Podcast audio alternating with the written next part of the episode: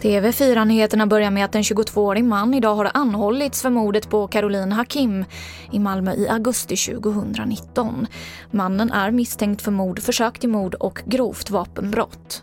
Vår reporter Therese Cedergren är på plats i Malmö. Ja, man har ju eh, varit på jakt eh, ganska länge kan man lugnt säga efter skytten. Eh, det sitter ju redan en 23-årig man misstänkt för medhjälp till mord som är häktad för det. Men den här mannen har man haft ögonen på ganska länge.